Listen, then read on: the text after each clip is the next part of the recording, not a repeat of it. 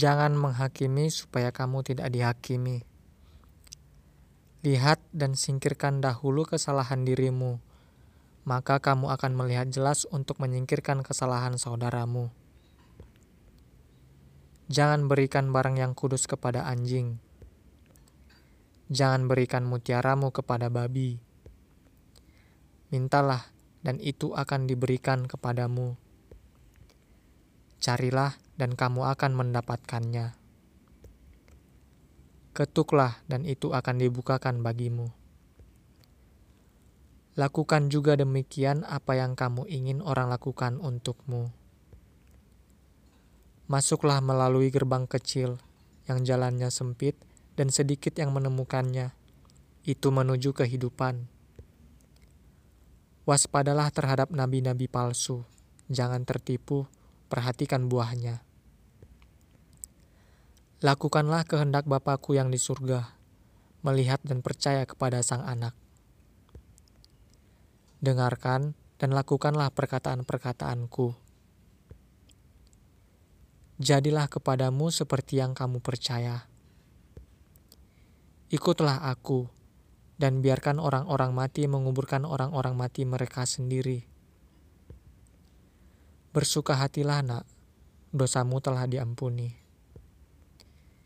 ikutlah aku. Bersuka hatilah nak, imanmu telah menyembuhkanmu. Jadilah kepadamu menurut imanmu. Berdoalah minta agar Tuhan pemilik tuayan mengirim pekerja-pekerja untuk tuayannya. Jadilah cerdik seperti ular dan tulus seperti merpati Jangan khawatir tentang bagaimana atau apa yang akan kamu katakan apabila kamu digugat karena aku. Bertahanlah sampai akhir. Jangan takut kepada mereka yang membencimu karena namaku. Katakan dalam terang apa yang aku katakan kepadamu dalam gelap, dan beritakan di atas atap rumah apa yang aku bisikan di telingamu. Jangan takut kepada mereka yang hanya membunuh tubuh.